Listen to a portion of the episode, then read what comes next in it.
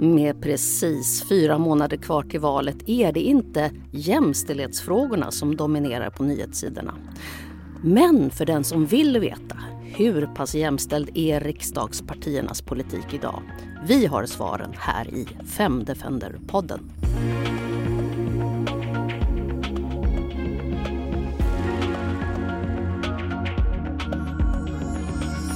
Ja, inför valet 2014 var intresset för jämställdhetsfrågorna på topp. Feministiskt initiativ var nära riksdagen.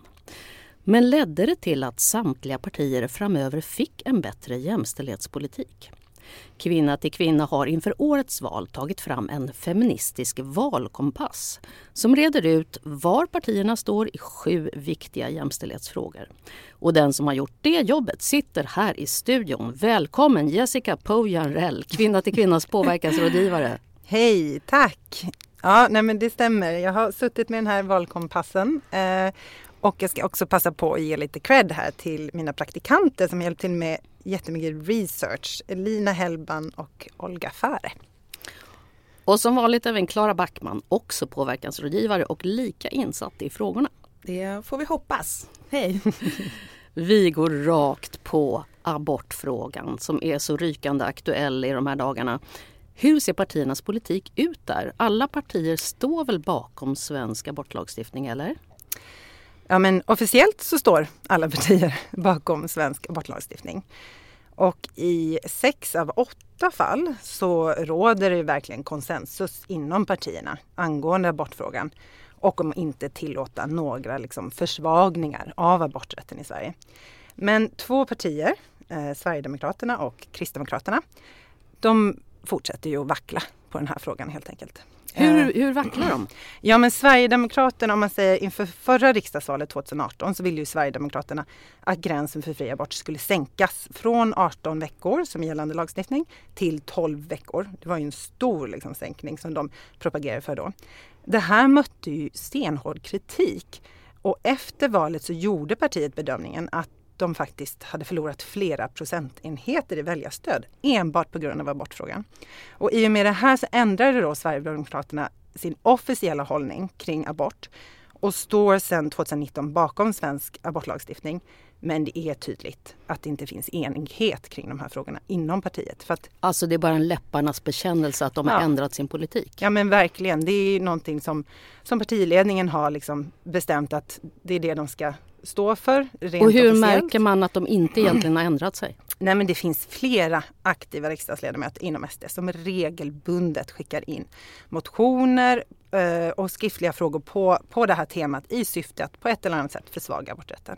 Och vad, vad, gör de då? Ja, men det handlar om att de eh, skickar in förslag på att se över gränsen för sena aborter. Det handlar om förslag eh, kring att ge juridiskt skydd av ofödda.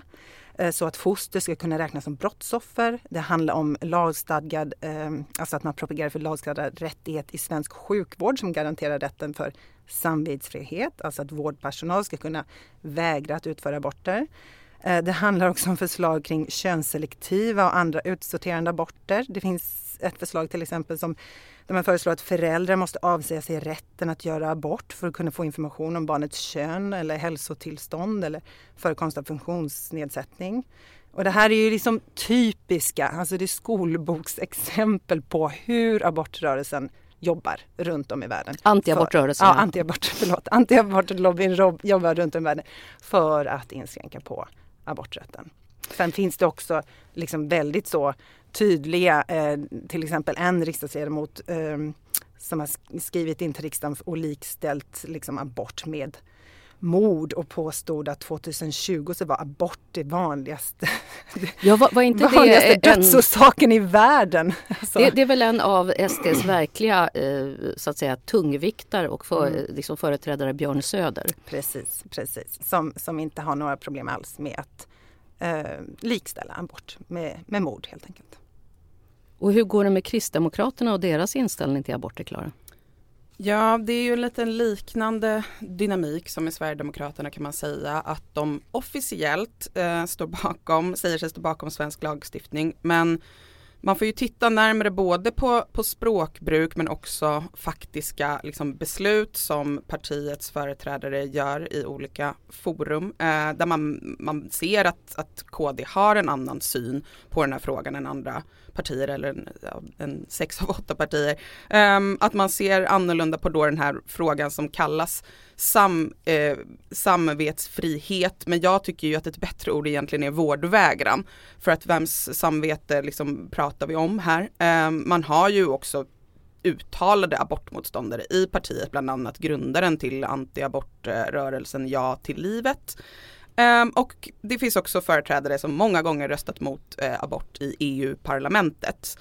Um, och precis som liksom Jessica var inne på, att så här, man kan tycka att det här är så här, det är små saker och de säger ju att de står bakom och sådär. Men anledningen till att vi håller ögonen på detta är ju för att vi har sett de här strategierna av konservativa krafter i andra länder eh, runt om i världen. Eh, där är ju faktiskt också sen har hänt att aborträtten begränsas. I ett så nära land som Polen har ju det här hänt, men också såklart eh, i USA, det, som är högst aktuellt just i dessa tider. Ett annat område som är minst lika viktigt i vår feministiska valkompass det är hbtqi-personers rättigheter. Men vad står på spel här egentligen, Jessica? Ja, nej men för de flesta partier så handlar diskussionen just nu om behovet av att uppdatera och modernisera könstillhörighetslagen från 1972.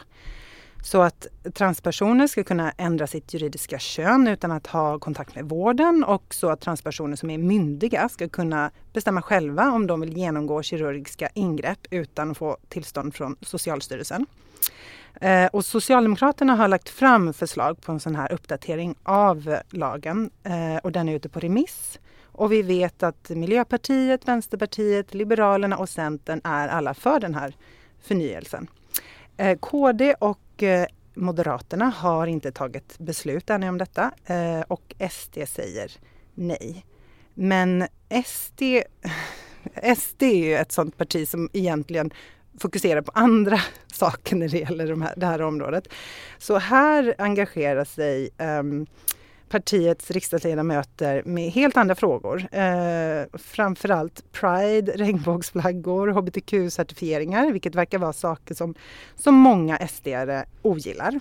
Eh, så när det gäller Pride till exempel så har flera sverigedemokratiska riksdagsledamöter skickat in motioner och skriftliga frågor till riksdagen för att kräva att Försvarsmakten och polisen inte ska kunna delta i Prideparader.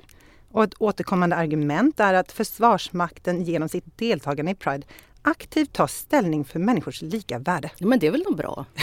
Ska, ska de inte göra det? Finns det inte någon paragraf att, ja, att det... alla svenska myndigheter ska ta, ta ställning alltså för... Det här argumentet är så uppseendeväckande. Eh, som att det vore liksom... Det känns som att man något har missuppfattat Prides syfte med detta argument. Så alla människors lika värde är alltså ett särintresse enligt Sverigedemokraterna? Ja, det menar Sverigedemokraterna. Att det här går emot myndighetens syfte att vara neutral. Eh, men det här är som sagt ett uppseendeväckande argument, eh, vilket säger så mycket om, om Sverigedemokraternas värdegrund. Eh, och sen, ja, nej, men dessutom så är då Pridefestivaler och liksom användandet av regn, regnbågsflaggan och även hbtq eh, i certifier certifieringar ett sånt återkommande eh, tema för kommunpolitiker, eh, eh, Sverigedemokraternas kommunpolitiker runt om i landet. Då kan man säga att om man funderar på att rösta på Sverigedemokraterna och på något sätt bryr sig om hbtqi-personers rättigheter, då har man anledning att vara orolig. Absolut. Och en annan sån här sak som verkligen sticker ut, det är igen eh, eh, Björn Söder. och eh, eh, det faktum att han eh, eh, ja, står upp för omvandlingsterapi eller konverteringsterapi. Det är alltså, handlar alltså om att man, man ser homosexualitet som en sjukdom som, som ska botas. Och eh, på detta tema så har han då gjort en skriftlig fråga till utrikesministern där han noterat FN har uttalat sig negativt om konverteringsterapi. Men vad konstigt! Ja, och då undrar Björn Söder vilka åtgärder ska utrikesministern ta mot FN?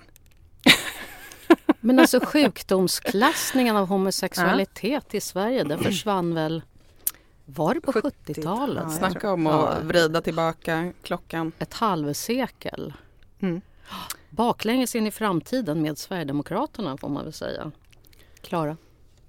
Jag tänker kring de här frågorna, att man kanske kan dra lite av en parallell till det vi diskuterade tidigare om aborträtten. Att särskilt kanske om man själv inte är en individ som är utsatt för den här typen av diskriminering så kan man kanske tänka att liksom allt är lugnt. Att så här, nej men det är väl inget konstigt med homosexuella längre i Sverige och de får gifta sig i kyrkan och det är inga, inga liksom problem. Men det här är ju rättigheter som hela tiden behöver försvaras och vi ser ju också de senaste åren så apropå eh, lagstiftningen kring transpersoners rättigheter som vi tar upp i valkompassen så har ju de senaste åren skett en hel del liksom attacker mot transpersoners rättigheter i, i media och olika debatter och det här kan man ju se som en begynnande backlash också mot eh, hela liksom hbtqi-rörelsen och eh, de personernas rättigheter.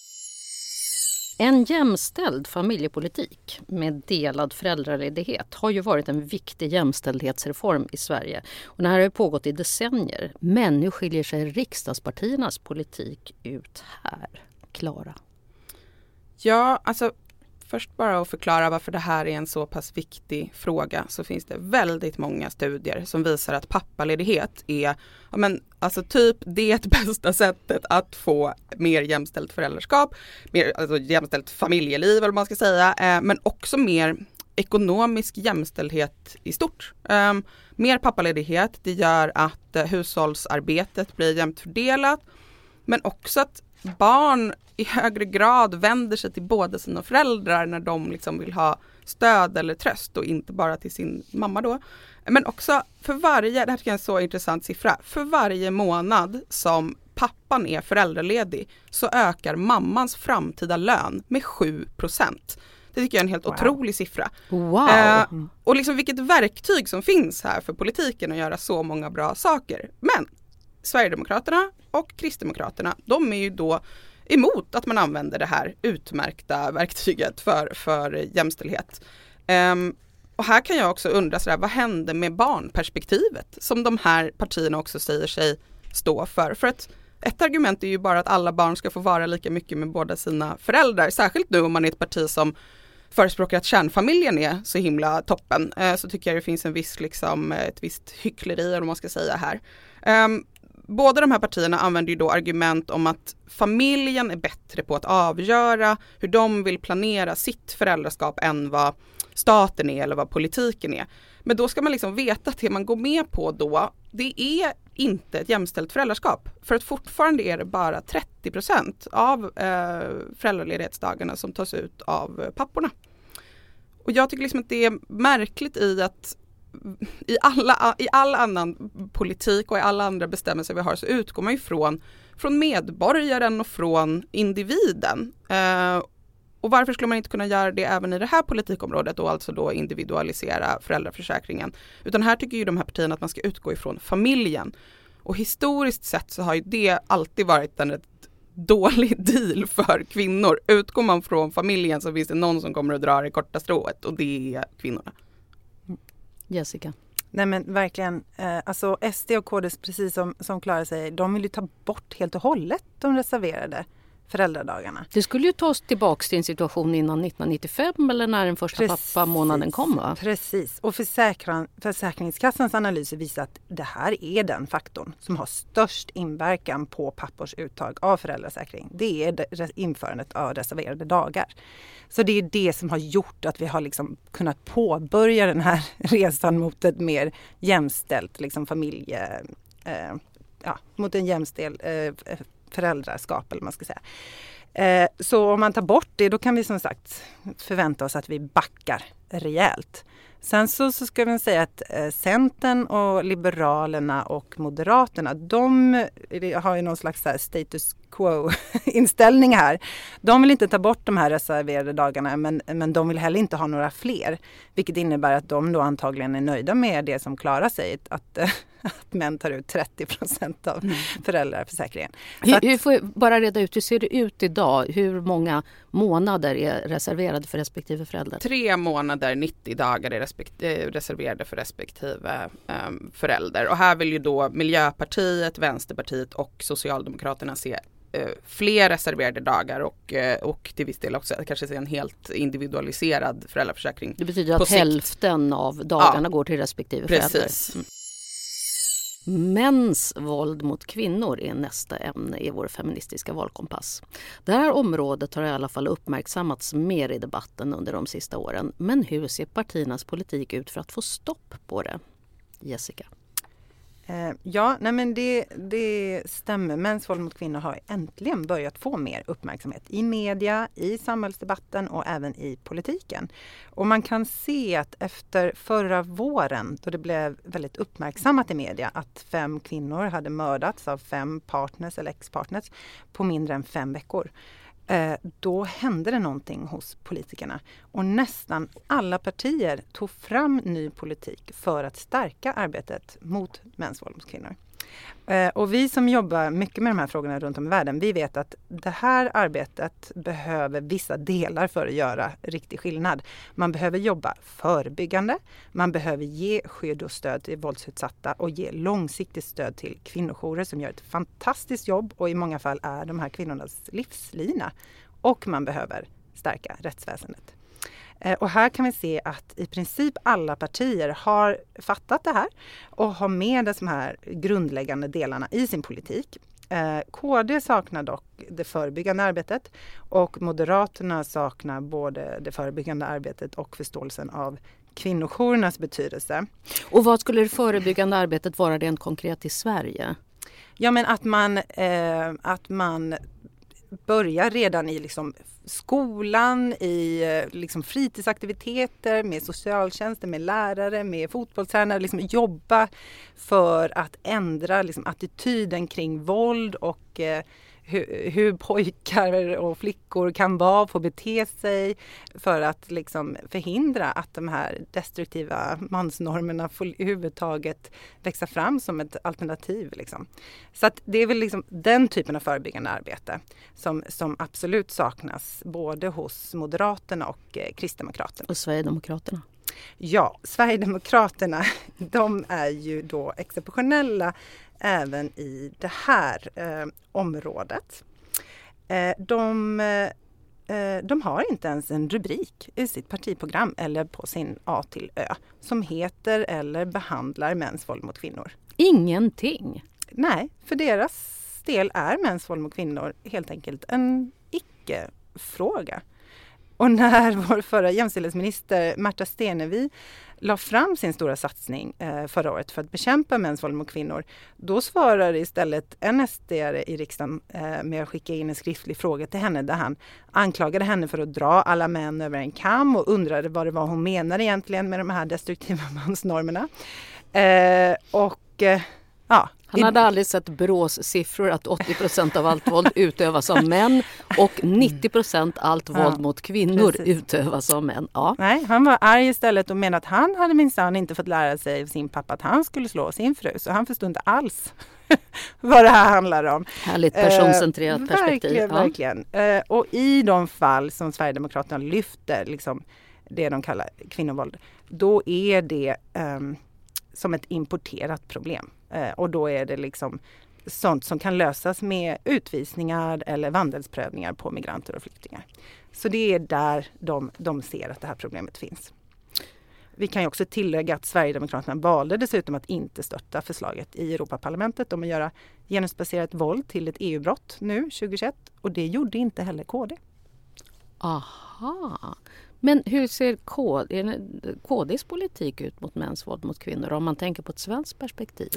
Ja men här har de ändå då under ja, i alla fall under det sista året förbättrat sin politik. Eh, men som sagt, inte, de har inte med det här förebyggande. Men på EU-nivå så var de inte eh, villiga att, eh, att eh, rösta för, för det här. Klara, har du något mer Ja, jag tänker lite kring det som Jessica säger om att det här äntligen har kommit upp på dagordningen som en viktig fråga i och med ett, ett antal eh, uppmärksammade mord eh, på kvinnor. Men jag tycker att det borde vara en ännu större fråga som ett så otroligt viktigt säkerhetsproblem för kvinnor och siffrorna för i år visar ju tyvärr på en ganska stor ökning jämfört med förra året av liksom mord av kvinnor som sker då i, i nära relationer. Um, och jämfört med andra typer av våld i samhället, om vi tittar på vilket typ av medieutrymme det får, så är ju det här fortfarande verkligen något som så här befinner sig i, i mediaskugga. Så i utsatta områden, det är det du tänker på kanske? Till exempel den typen av, av dödsfall som får otroligt mycket uppmärksamhet jämfört med detta. Så jag hoppas verkligen att partierna, alla partier, gör sitt jobb för att detta ska komma högre upp som en, en valfråga inför årets val. De partierna som vi inte har nämnt nu i den här genomgången, Centerpartiet, Liberalerna, Vänsterpartiet, Socialdemokraterna, är de fläckfria vad det handlar om åtgärdsprogram mot mäns våld mot kvinnor? Det finns såklart mycket mer saker som kan göras och väldigt många bra förslag som, som vi hoppas kunna genomföras. Men de här partierna som du nämner nu, de har i alla fall uppdaterat sin politik till den grad att de har med eh, flera förslag, både när det gäller förebyggande arbete, eh, skydd och stöd till kvinnor, långsiktigt stöd till kvinnojourer och även rätts, eh, stärka rättsväsendet. Så att på så sätt så kan man säga att de får i alla fall godkänt. Ja, bara angående rättsväsendet så har ju vi eh, bland annat i valkompassen tittat på eh, om man eh, vill eh, stärka straffen, öka straffen för de här brotten. Och det är jätteviktigt inte minst för det som jag pratat om tidigare, liksom uppmärksamheten för frågorna. Men där tycker jag också man ska verkligen understryka hur viktigt det är att rättsväsendet får större resurser att utreda de här frågorna. För det stora, stora problemet är inte att straffen är för låga. Enligt min mening. Det är att för få fall utreds och att mörkertalet är otroligt stort. Surrogatmödraskap är som vi ser det att exploatera kvinnors kroppar. Det här är en fråga som splittrar partierna. Hur kommer det sig att det här är en så svår fråga och varför tar vi på Kvinna till kvinna ställning emot surrogatmödraskap? Klara? Ja, det här har väl setts som en då svår eh, fråga eller som ett slags eh, dilemma då att kunna svara mot människors eller pars eh, barnlängtan å ena sidan och å andra sidan då det problematiska i att använda en, en, annan människas kropp för att stilla den längtan. Och vårt principiella ställningstagande här är ju att kvinnors hälsa och rätt till sina kroppar alltid måste komma först. Och då är ett tydligt nej till alla former av surrogatmödraskap en liksom naturlig följd av, det princip, av den principen. Um, graviditet och att liksom genomgå en förlossning det är inte riskfritt, särskilt inte om vi tittar globalt. Um, ehm, 800 kvinnor dör varje dag på grund av graviditet. Uh, runt om i världen? Runt om i världen, ja globalt precis. Så är det också den vanligaste dödsorsaken bland tonårstjejer. Så det kan man ju ha i bakhuvudet. Um, tyvärr ser vi ju också hur med en, med en förlossningsvård som går på knäna i Sverige att tyvärr är graviditet och förlossning inte alls riskfritt eh, för kvinnor. Och vi har ju också sett redan vilken typ av exploatering av kvinnor som surrogatmödraskap kan leda till. Eh, till exempel i Georgien där Kvinna till Kvinna eh, arbetar med partnerorganisationer som jobbar med det här problemet men också ju faktiskt nu i Ukraina där det har blivit fruktansvärda situationer för kvinnor som befunnit sig i krig samtidigt som de burit andra människors barn som lett till otroligt svåra situationer. Men altruistiskt surrogatmödraskap då där kanske en syster hjälper då till att, eh, så att säga, en barnlös syster som vill ha ett barn. Varför eh, kan det också leda till exploatering?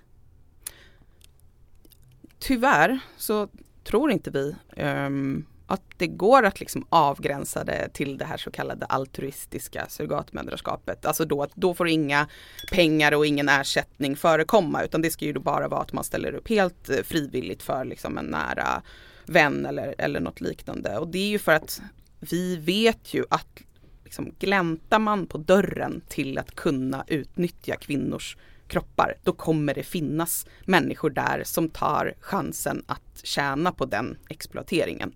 Eh, och det här tycker jag man kan se lite också i de olika partiernas hållning i den här frågan. De som mer liksom liknar, litar på att så här, det här kan man reglera så att det här går till på ett så här schysst sätt eller vad man ska säga. Eller de som verkligen ser det som en så här, det är en slippery slope om vi öppnar upp överhuvudtaget för att kunna utnyttja kvinnor på det här sättet. Men sen, Centerpartiet och Liberalerna som är partier som annars har eh, alltså har funderat ganska mycket över kvinnors rättigheter och jämställdhetsfrågan. De öppnar för ett altruistiskt surrogatmödraskap. Hur kommer det sig?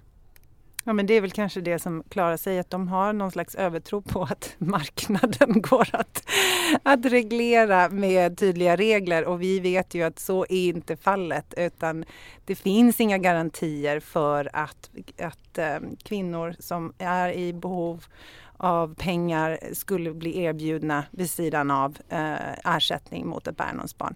Sen så är det också så att även om man då även om det skulle finnas personer som skulle göra det utan någon monetär ersättning så är det ju en jättestor risk att de ändå skulle pressas otroligt mycket in i det här. Alltså liksom att, att, eh, att de inte gör det för sin egen skull utan faktiskt känner sig otroligt pressade att, att bära barn åt någon annan och, och hamnar i den situationen. Så att, eh, ja, jag vet inte hur de har kunnat hamna här. Tyvärr så tror jag att det har uppfattats av vissa partier som att de har en bra hbtqi-politik genom att stötta eh, altruistiskt surrogatmödraskap. Därför att eh, många kvinnor och kanske även kvinnor i samkönade eh, relationer har ändå andra vägar att bli gravida. Men för män i samkönade relationer så är kanske det här det enda sättet. Framförallt eftersom det har visat sig att det är väldigt svårt för eh, homosexuella eh, män att adoptera barn från andra länder. Och då tror jag att vissa partier har, har, tyckt att det här är ett sätt att ha en bra hbtqi-politik genom att tillåta altruistiskt surrogatmoderskap. Men då bortser man ju från de här riskerna och kvinnors faktiska eh, rätt att bestämma över sin egen kropp i alla lägen. Och bara för att eh, tydliggöra då vad vår valkompass eh, visar så är det ju då att det är Moderaterna, Centerpartiet och Liberalerna eh, som vill ändra lagen eh, och även Miljöpartiet har sagt sig vara öppna för detta medan eh, resterande partier är emot. Att köpa sex är också ett sätt att exploatera kvinnors kroppar. Hur är det, står alla riksdagspartier idag bakom den svenska sexköpslagen? Eh, ja, alla partier säger att de står bakom den svenska sexköpslagen som antogs då i slutet på 90-talet.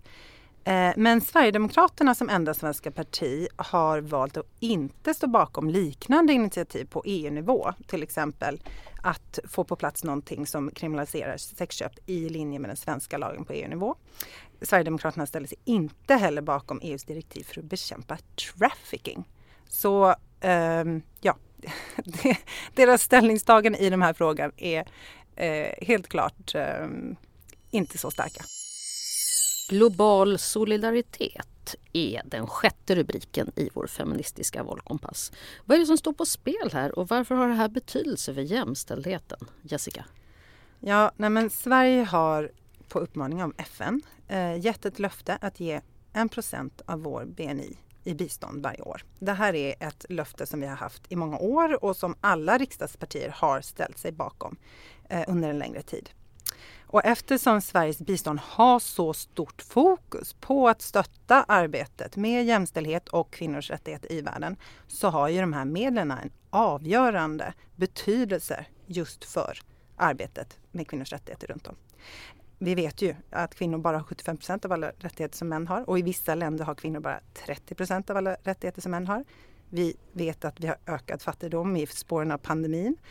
Vi har en ökad utsatthet som ett resultat av fler konflikter både i vårt närområde och på andra platser i världen.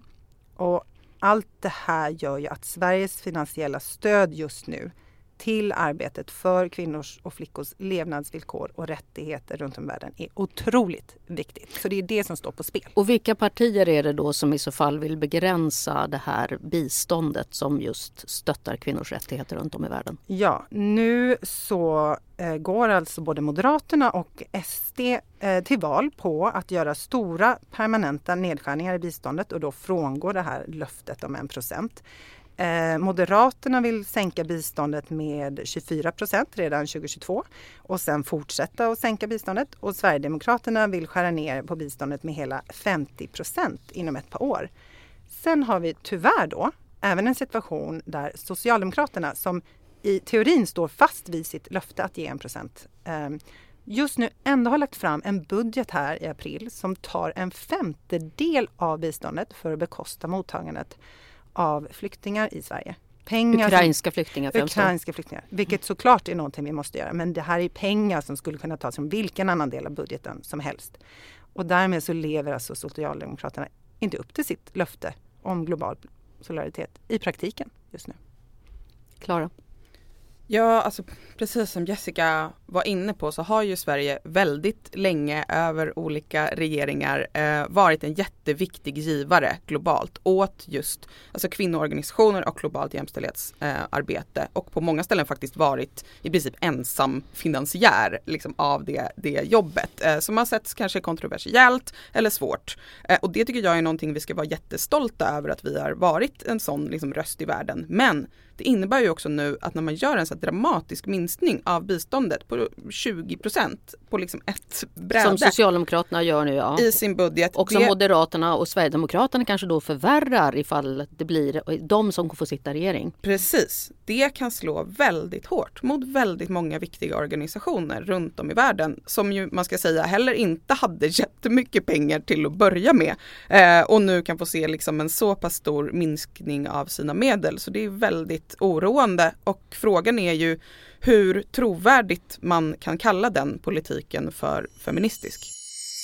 Sist men inte minst i vår valkompass så har vi jämställdhetsfokuset i biståndet och den feministiska utrikespolitiken. Men varför är det viktigt att hålla kvar vid det här? Är det inte här bara fina ord, Klara? Ja men på den lite, vad vi kallar den, globala arenan, internationella liksom, politiken, då spelar ord roll. Det har vi sett i vårt arbete och bland våra partners runt om i världen också. Um, när det också blåser liksom, kalla vindar vad gäller kvinnors rättigheter så, så är det viktigt att någon håller, håller hårt i liksom, tydliga värderingar. För det pågår en, en backlash men också en, en, polarisering där några länder ju faktiskt går före. Sverige har fått med sig ganska många länder som också då har skaffat en feministisk utrikespolitik och andra eh, går bakåt. Och om man då efter det här valet skulle uppleva från andra länder att Sverige backar i jämställdhetsfrågor. Vilket liksom, det skulle bli konsekvensen av att man slutar, man säger att man slutar med feministisk utrikespolitik. Då skulle det bli signalen och en otroligt negativ signal till andra länder. Att liksom inte ens Sverige så att säga gör det här längre. Sen vill jag verkligen tillägga att det är ju självklart viktigt att inte vilken politik som helst kallas feministisk utan att politiken måste ju fyllas då med, med riktig politik och riktiga åtaganden för, för, eh, som förbättrar kvinnors och flickors eh, rättigheter. Vilka partier är det som har uttalat att de vill skrota den feministiska utrikespolitiken? Alltså Moderaterna och Kristdemokraterna och SD är de partier som inte har tydliggjort att de kommer hålla fast vid den feministiska utrikespolitiken. Sen kan man väl säga att eh, SD har inte heller några, någon inriktning på jämställdhet i sin liksom, utrikespolitik. Eh, så där skulle ju liksom jämställdhetsfokus försvinna helt och hållet. Eh, med Moderaterna och Kristdemokraterna så kan man ändå se att de har visst fokus på jämställdhetsfrågor i sin, i sin utrikespolitik eller framförallt i biståndspolitiken. Det är bara det att de kallar det inte feministisk utrikespolitik. De har inte lika stort fokus som, som vissa andra partier. De har inte, lika, eh, har inte med alla frågor kanske som är viktiga som, som vissa andra partier har. Men de har ändå eh, kanske flera viktiga eh, jämställdhetsfrågor med i biståndspolitiken. Så det är inte säkert att vi skulle liksom tappa allt jämställdhetsfokus i biståndet. Men vi skulle då eh, antagligen tappa eh, liksom den här ambitionen att föra en feministisk utrikespolitik, vilket som sagt har en stor betydelse för den, på den internationella arenan. Så KD och Moderaterna får med tvekan godkänt eller hur ska jag? Ja men precis, de får varningsflaggor från oss. Och eh, som sagt, vi hoppas väl också på att både Kristdemokraterna och Moderaterna kan förbättra eh, sin politik här. Eh, jag menar en, en en anledning att göra den här valkompassen, det är ju såklart, en viktig anledning är ju såklart att informera väljare och att liksom ha, få upp den, de här frågorna i debatten. Men en annan sak är ju också såklart att uppmuntra olika politiska partier att, att liksom förbättra sin politik. Så det kan ju också vara ett resultat av att ge varningsflaggor kan konstatera att eh, vår feministiska valkompass har alltså gett Sverigedemokraterna underkänt i sju av sju politikområden eller kategorier. Ja, de, har fått, de har inte fått godkänt i något område. Det finns no, något område där de har fått en varningsflagga men sen har de fått liksom underkänt. Precis. Så, eh, eh så om Sverigedemokraterna får inflytande i en kommande regering i något jämställdhetsområde överhuvudtaget så kan vi ju förvänta oss att vi backar på det jämställdhetsområdet helt enkelt. Och för er som vill ta del av Kvinna till kvinnas feministiska valkompass i sin helhet för att kunna rösta så jämställt som möjligt så finns den att läsa på vår hemsida. Ja, det kanske finns en anledning till att partierna har den politik de har när man ser vad deras väljare har för intressen. Alltså jag har bara längtat efter en chans att få återge de här siffrorna som Sveriges Radios podd Det politiska spelet ihop med Kantar Sifo tog fram för ungefär ett och ett halvt år sedan. Och det är alltså en undersökning av vad partiers väljare gillar eller inte gillar att göra på fritiden. Och nu drar jag alltså inte alla partier utan bara de där jämställdhet kommer in som variabel. Kristdemokraternas väljare de gillar näringslivsfrågor, ekonomi, skattefrågor samt personbilar. Men de gillar inte jämställdhet, miljöfrågor och andra länders kultur. Mm. Miljöpartiets väljare de gillar däremot miljöfrågor, jämställdhetsfrågor och andra länders kultur. Men miljöpartister ogillar personbilar, ishockey och motorsport. Sverigedemokraterna däremot, de gillar personbilar, motorsport och att åka motorbåt. Men Sverigedemokratiska väljare... Det härligt i och för sig. ja, visst är Ja, run run. Sverigedemokraterna däremot, de gillar ju inte, surprise, miljöfrågor, jämställdhet, andra länders kultur samt litteratur. litteratur. Vänsterpartiets väljare däremot, de gillar ju jämställdhet, miljöfrågor, andra länders kultur samt litteratur. Verkligen en spegling här. Men vad tror ni Vänsterpartiets väljare ogillar? Jo, personbilar, värdepapper samt att åka motorbåt. Socialdemokraternas väljare de gillar mest miljöfrågor, jämställdhet, se på sport och lösa korsord. Men socialdemokratiska väljare ogillar värdepapper, dataspel samt att åka motorbåt. Moderatväljare de gillar personbilar, skattefrågor, värdepapper och utförsåkning. Men moderatväljare gillar inte miljöfrågor, jämställdhetsfrågor, djurrättsfrågor samt krukväxter.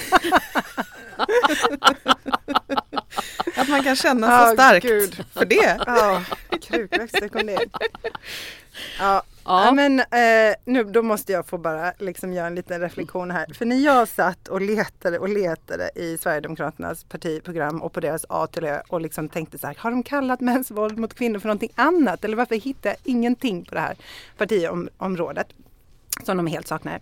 Då slogs jag ju verkligen av att de hade ett jättestort område om A-traktorer istället för mäns våld mot kvinnor. Så det känns som att de har nog satsat rätt helt enkelt enligt deras väljare. Ska, ska de driva politiska förslag som underlättar för A-traktorer? Ja, men det verkar ju vara viktigt för deras väljare med just de här motorsporterna, A-traktorer. Mm. Vi ska avrunda det högtid eh, och vi ger oss på månadens feminist eller antifeminist. Kära poddkollegor, har ni någonting?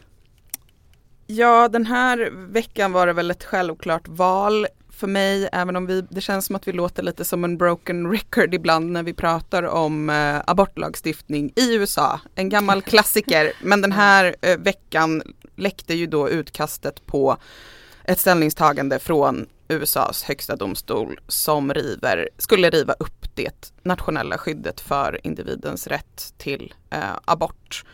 Och jag tror, jag behöver väl inte säga så mycket mer som jag tyckte bara var ett slagfärdigt citat kring detta som är It's not pro-life, it's anti-women. Bra Jessica?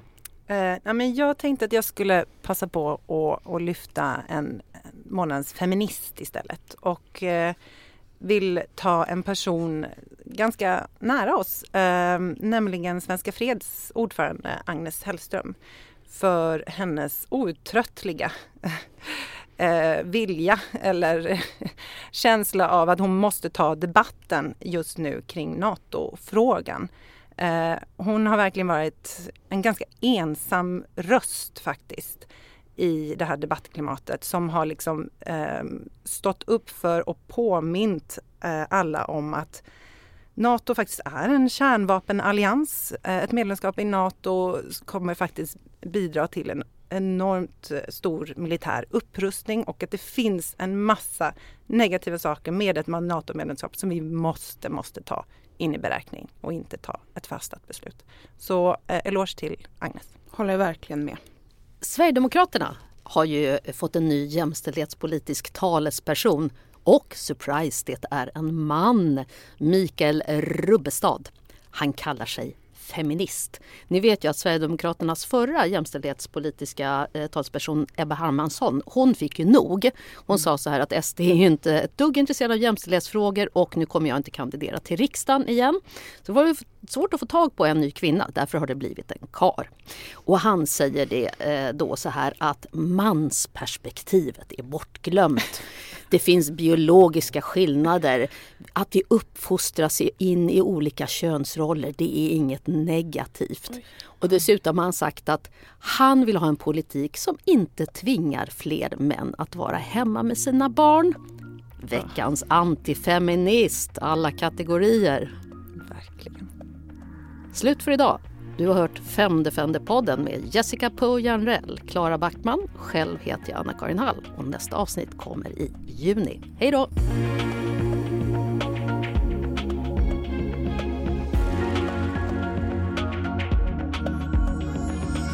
Du har hört Femdefender-podden, en podd om kvinnors globala rättigheter från kvinna till kvinna. Ansvarig utgivare är Petra Tötterman Andorf.